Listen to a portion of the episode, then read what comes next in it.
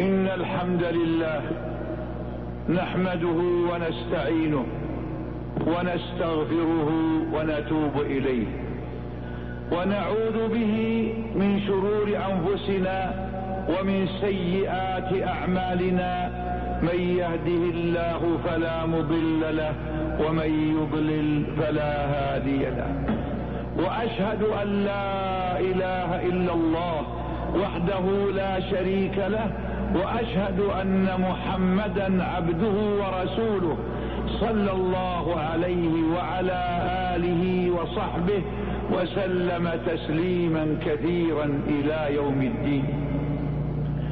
أما بعد فيا أيها الناس اتقوا الله تعالى حق التقوى.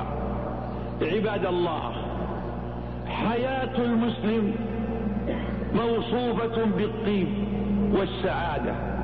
من عمل صالحا من ذكر أو أنثى وهو مؤمن فلنحيينه حياة طيبة. فوصفت حياة المؤمن بأنها طيبة ووصفت بأنها السعادة.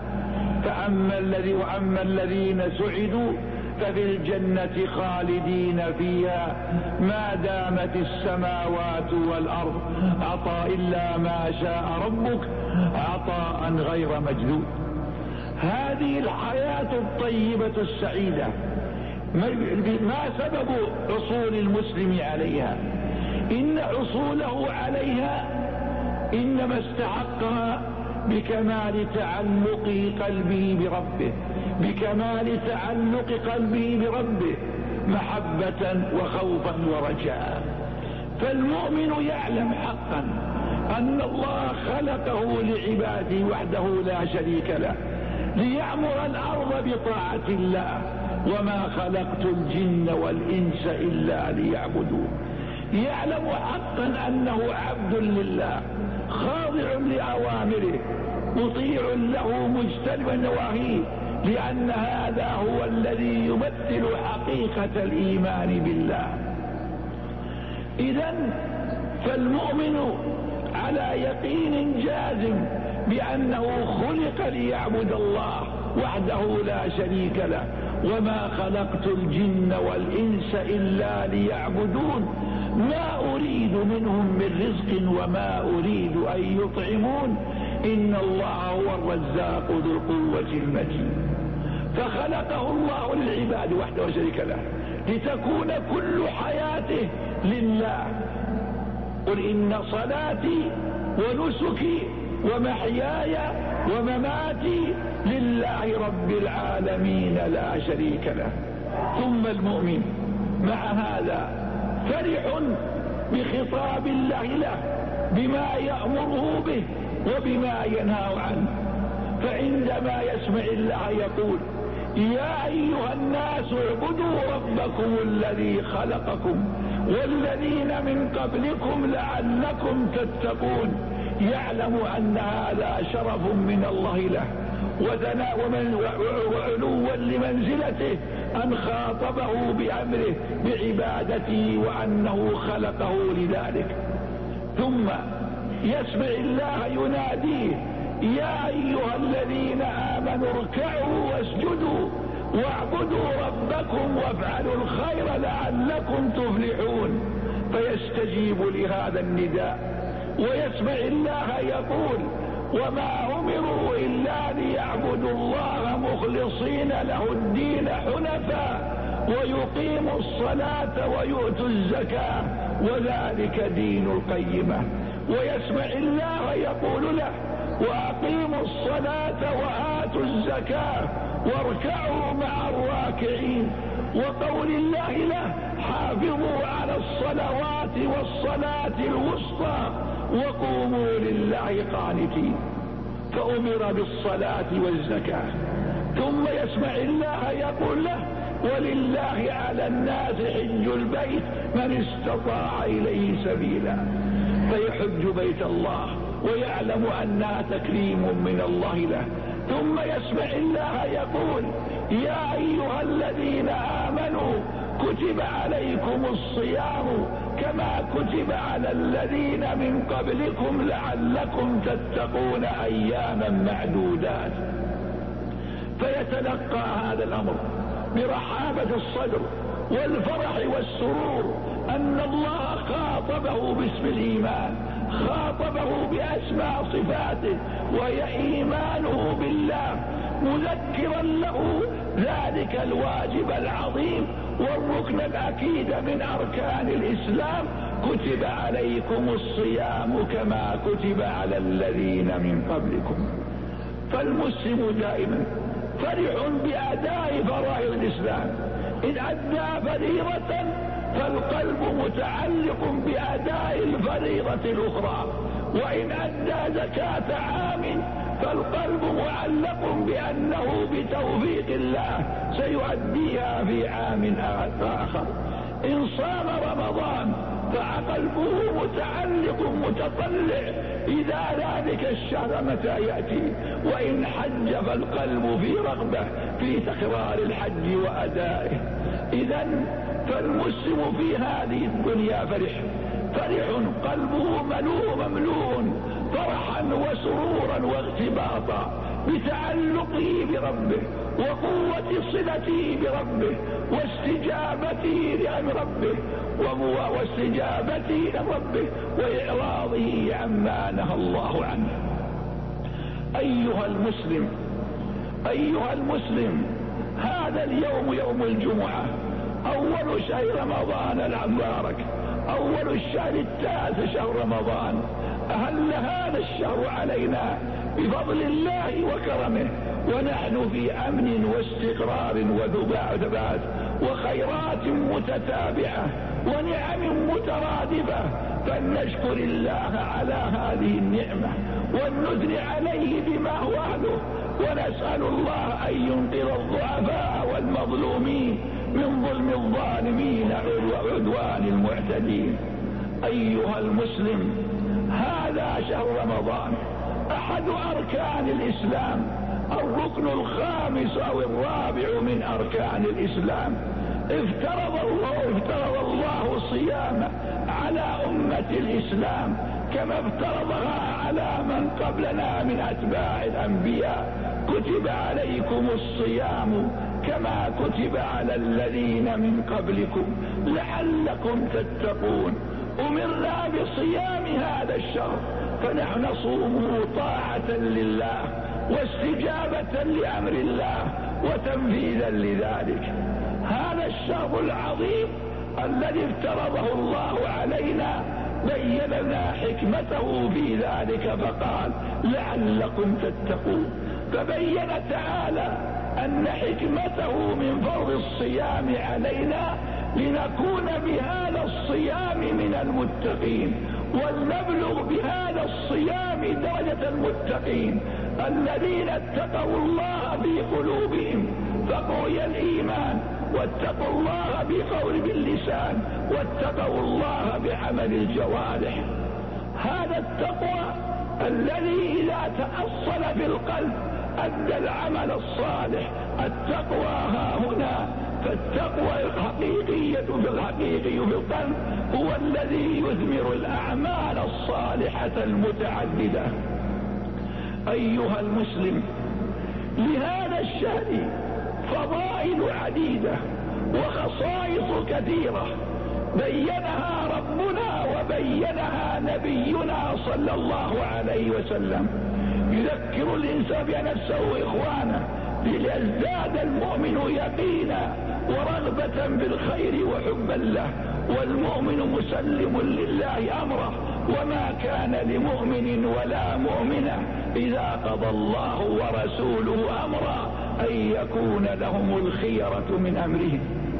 فمن فضائل هذا الصيام حصول التقوى للمسلم. إذا صام هذا الشهر بتوفيق من الله بإخلاص ويقين فإنه يتحقق له بتوفيق الله. التقوى على كثرة إخلاصه وقوة إيمانه. ومن فضائله أن الله افترضه على المسلمين قديما وحديثا كما كتب على الذين من قبلكم. ومن فضائله أنه سبب لتكفير ما مضى وسلب من الذنوب.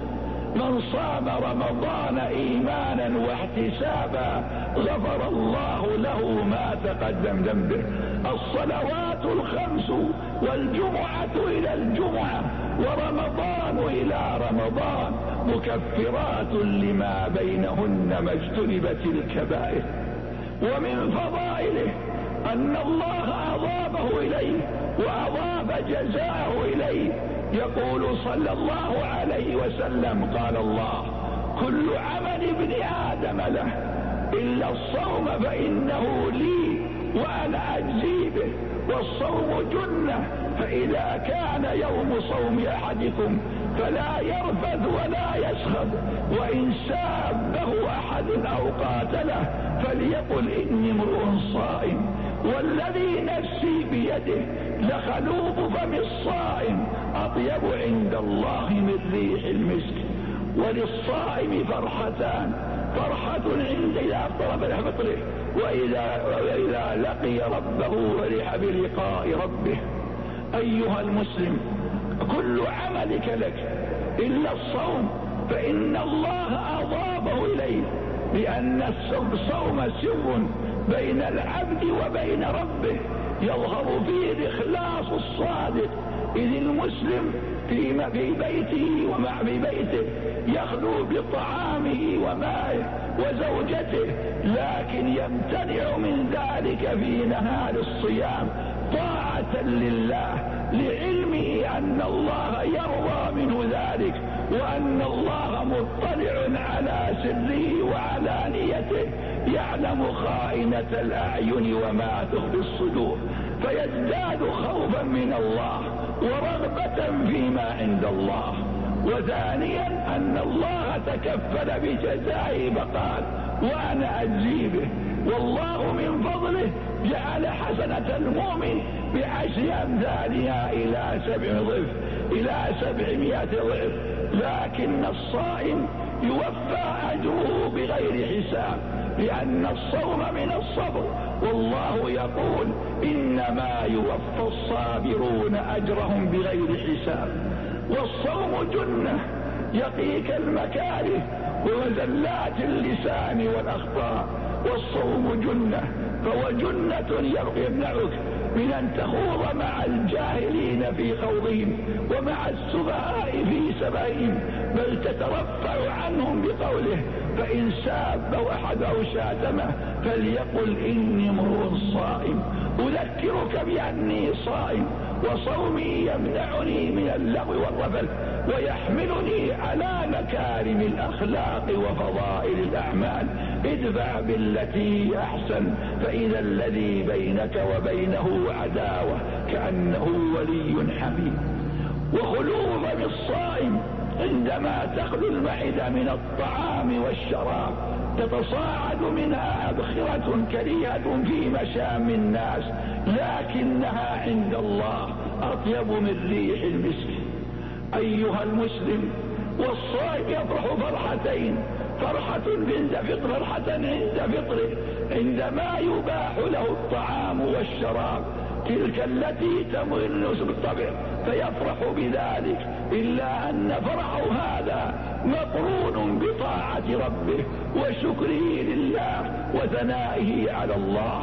ثم فرحته الكبرى وفوزه الأعظم حين يلاقي يلقى ربه فيجد ثواب صيامه مدخر إليه أوفر ما أحوج ما يكون إليه. يوم تجد كل نفس ما عملت من خير محضرا. يوم ينادى الصائمون ليدخلوا من أحد أبواب الجنة المخصص لهم. إن في الجنة بابا يغريان يدخل منه الصائمون. فإذا دخلوا أغلق ذلك الباب. أيها المسلم خصكم الله يا أمة محمد بأن جاء بأن, بأن ملائكة الرحمن تستغفر لكم حتى تفطروا. وإن الله يصفي كما قال وإن الله يصفد الشياطين والجن فلا يخلصوا في رمضان إلى ما كانوا يخلصون بغيره لعظم الطاعات وقلة السيئات. وأن الله يزين جنته كل يوم ويقول يوشك عباد الصالحون أن يلقوا عنهم المؤونة والأذى ويصيروا إليك وأنه يغفر لنا في آخر ليلة قيل قد قال لا ولكن العامل إنما يوفى أجره إذا قضى عمله أمة الإسلام استقبلوا هذا الشهر بالفرح والسرور واحمدوا الله أن بلغكم صيامه واسألوه القبول والتأييد والثواب. يقول صلى الله عليه وسلم يوما وحضر رمضان أتاكم رمضان. ما أتاكم رمضان؟ ما مر بالمسلمين شهر خير لهم منه بمحلوب رسول الله صلى الله عليه وسلم. وما مر بالمنافقين شهر شر لهم منه بمحلوب رسول الله صلى الله عليه وسلم. إن الله ليكتب أجره ونوافله قبل أن يدخله ويكتب إصره وشقاه قبل أن يدخله. وذلك أن المؤمن يعد فيه النفق للعتق والعبادة ويعد فيه المنافق تتبع عبرات الناس وغفلاتهم فغنم للمؤمن يغتنمه الفاجر. ويقول صلى الله عليه وسلم يوما بعد رمضان أتاكم رمضان شهر بركة يغشاكم الله به فيحط الخطايا ويستجيب الدعاء ينظر الله إلى تنافسكم فيه فأروا الله من أنفسكم خيرا فالمحروم من حلف الله بضل الله. ويقول صلى الله عليه وسلم من صام رمضان وعرف حدوده وتحفظ مما ينبغي. أن يتحفظ منه كفر ما كان قبله. في حديث وكان صلى الله عليه وسلم يبشر أصحابه ويزف لهم بشرى بمقدم هذا الشهر.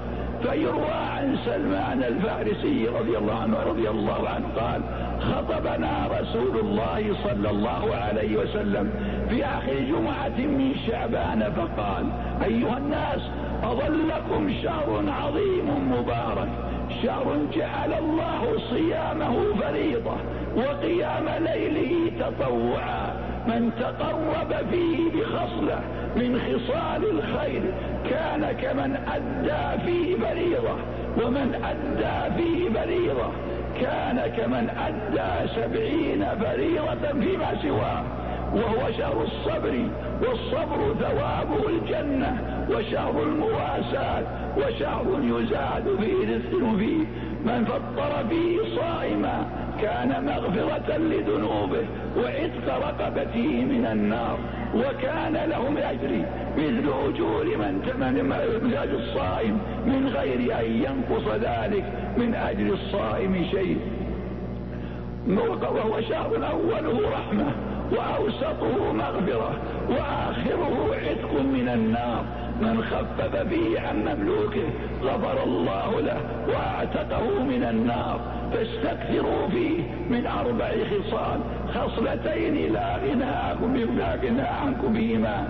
وخصلتان خصال. خصلتان لا غنى عنهما.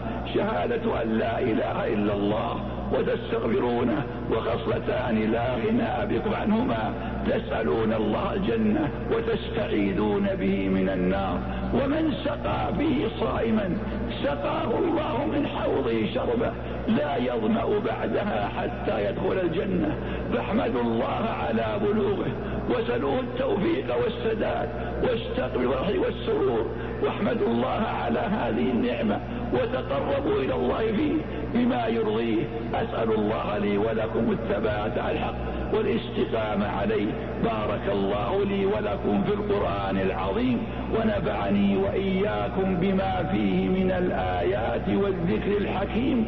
أقول قولي هذا وأستغفر الله العظيم الجليل لي ولكم ولسائر المسلمين من كل ذنب فاستغفروه وتوبوا إليه إنه هو الغفور الرحيم. الحمد لله حمدا كثيرا طيبا مباركا فيه كما يحب ربنا ويرضى وأشهد أن لا إله إلا الله وحده لا شريك له وأشهد أن محمدا عبده ورسوله صلى الله عليه وعلى آله وصحبه وسلم تسليما كثيرا إلى يوم الدين. أما بعد فيا أيها الناس اتقوا الله تعالى حق التقوى عباد الله. شريعة الإسلام قامت والتسهيل يريد الله بكم اليسر ولا يريد بالعسر ويقول وما جعل عليكم في الدين من حرج فالحمد لله على كل حال. هذا الشهر العظيم افترض الله صيامه على المسلم البالغ العاقل القادر المقيم. هذا يلزمه الصوم أداء بلا شك لأنه أحد أركان الإسلام. أما غير المسلم من لم ينطق بالشهادة أن لا إله إلا الله وأن محمدا رسول الله فلا يخاطب الصيام وهو على كفره وضلاله إذ لا ينفع مع الكفر إيمان. ولقد أوحينا إليك وإلى الذين من قبلك لئن أشركت ليحبطن عملك ولتكونن من الخاسرين. ويؤمر به الصبي ويروض عليه قبل بلوغه لعله أن ينشأ محبا له. ما لم يكن في الأمر مشقة فكان أصحاب رسول الله يصومون صبيانهم ويعطوا اللعب العلم من العلم حتى يشغلهم عن طلب الماء والشراب. ولا يخاطب غير العاقل فالمجنون لا يخاطب إلا إذا فاق من جنونه والهرم الذي بلغ به مبلغا لا يحسن ما يقول ولا يدري ما يقول فهذا ملحق بفاقد العقل فلا شيء عليه. والمريض الذي أثبت الطب الحديث أن صومه لا يتفق مع مرضه إذ الأمراض خطير لا يمكن الصوم معه. كالمصابون بالسرطان عياذا بالله أو بالماء أو بالوباء الكبدي أو الفشل الكلوي أو غير ذلك من الأمراض الخطيرة التي يطب أنه لا يمكن الصيام فإن المس يفطر ويطعم عن كل يوم مسكين لأن الله جعل الإطعام قائما مقام الصيام في أول أمر قبل أن ينسخ فقال وعلى الذين يطيقونه فدية طعام مسكين ثم ثم أوجب الصيام على القادرين فمن شهد منكم الشهر صم ويبقى الإطعام يقوم مقام العاج عن الصيام. أما المريض أما المرض غير المخوف فهو على مراحل. إما أن يكون مرض يسيرا لا يتنافى مع الصوم فعلى أن يصوم.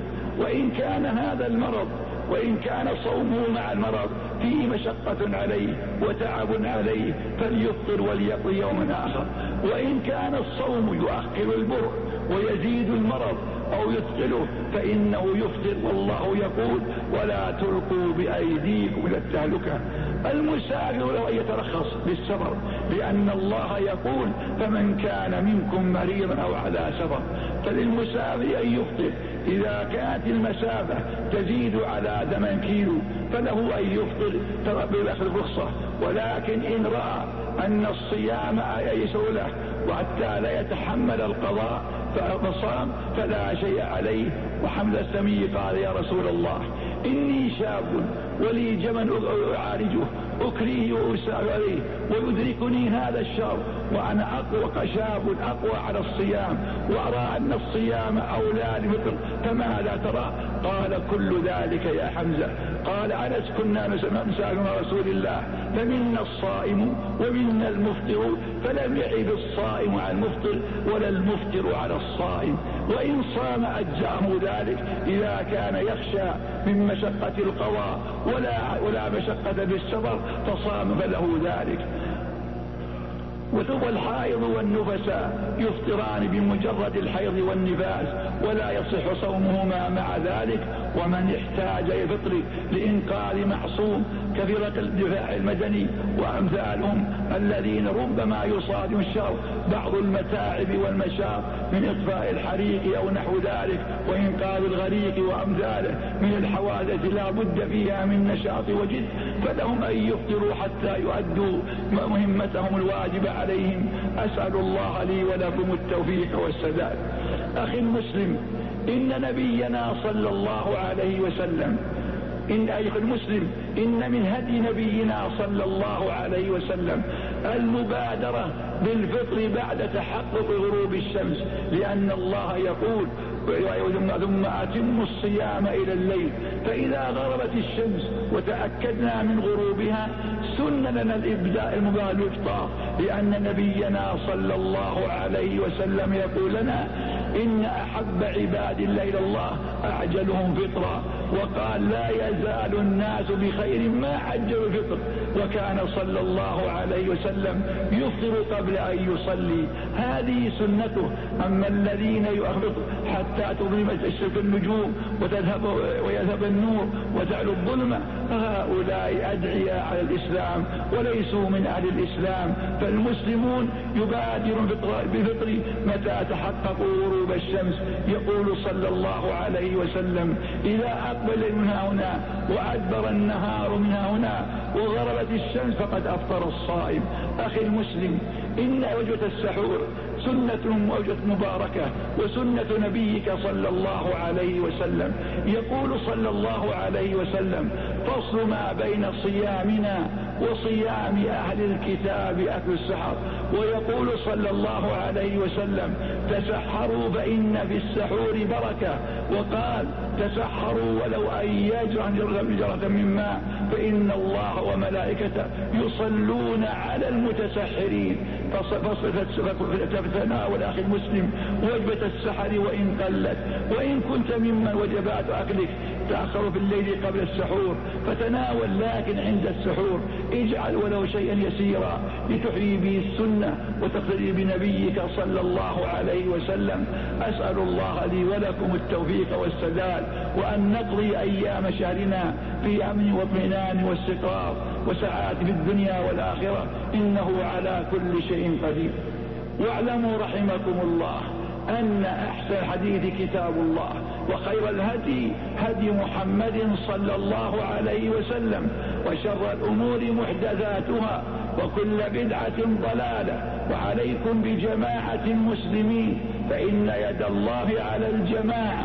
ومن شد شد في النار وصلوا رحمكم الله على عبد الله ورسوله محمد كما أمركم بذلك ربكم قال تعالى إن الله وملائكته يصلون على النبي يا أيها الذين آمنوا صلوا عليه وسلموا تسليما اللهم صل وسلم وبارك على عبدك ورسولك محمد وارض اللهم عن خلفائه الراشدين الأئمة المهديين أبي بكر وعمر وعثمان وعلي وعن سائر أصحاب نبيك أجمعين وعن التابعين وتابعيهم بإحسان إلى يوم الدين وعنا معهم بعفوك وكرمك وجودك وإحسانك يا أرحم الراحمين. اللهم آمنا في أوطاننا. وأصل أئمتنا وولاة أمرنا وأصل ولاة أمر المسلمين عامة. اللهم وفق إمامنا إمام المسلمين عبد الله بن عبد كل خير. اللهم كن له عونا ونصيرا في كل ما همه اللهم أمده بتوفيقك وتأييدك ونصرك اللهم أمده بتوفيقك وعونك ونصرك وألبسه الصحة والسلامة والعافية. واجعل بركة على نفسه وعلى مجتمع المسلم. اللهم شد أجر بولي عهده. سلمان بن عبد العزيز ووفقه للصواب ما يقول ويفعل. واهديه الحق وأعنه عليه. واجعل من أنصار دينك إنك على كل شيء قدير. ربنا اغفر لنا ولإخواننا سبقونا بالإيمان. ولا تجعل في قلوبنا غلا للذين آمنوا. ربنا إنك رؤوف رحيم. ربنا ظلمنا أنفسنا وإن لم تغفر لنا وترحمنا لنكونن من الخاسرين. اللهم أهل علينا رمضان بالأمن والإيمان والسلامة والإسلام. اللهم وفقنا فيه لصالح القول والعمل. لقد صمنا هذا اليوم بناء على رؤية شرعية تبدأ العليا. القضائية رؤية اشترك فيها أكثر من ثمانية من ثمانية ممن عجلوا للقضاء أنهم رأوا هذا الهلال لهذا اليوم. فصيامنا وللحمد صيام موافق لسنة محمد صلى الله عليه وسلم. ولن نزال عليه إن شاء الله دائما في صومنا وفطرنا وحجنا لأننا نسمع رسول الله يقول صوموا لرؤيته وأفطروا لرؤيته. وقال لا تصوموا حتى تروا ولا تفطروا حتى تروا. فرأيناه وصمنا طاعة لربنا. واقتداء بنبينا صلى الله عليه وسلم فالحمد لله على كل حال. فلا شكوك ولا ظنون ولا أوهام ولا قيل ولا قال. سنة محكمة اتبعناها طاعة لله. سلكها ولاة أمرنا ولاة أمرنا قادة المسلمين. سلكوا هذا المسلك وعملوا به وساروا عليه ونحن إن شاء الله على ذلك سائرون. وليعلم الأدعياء والفلك أنه لا اعتبار لقولهم ما دامت السنة واضحة جلية فالحمد لله على هذه النعمة ونسأله الثبات على الحق.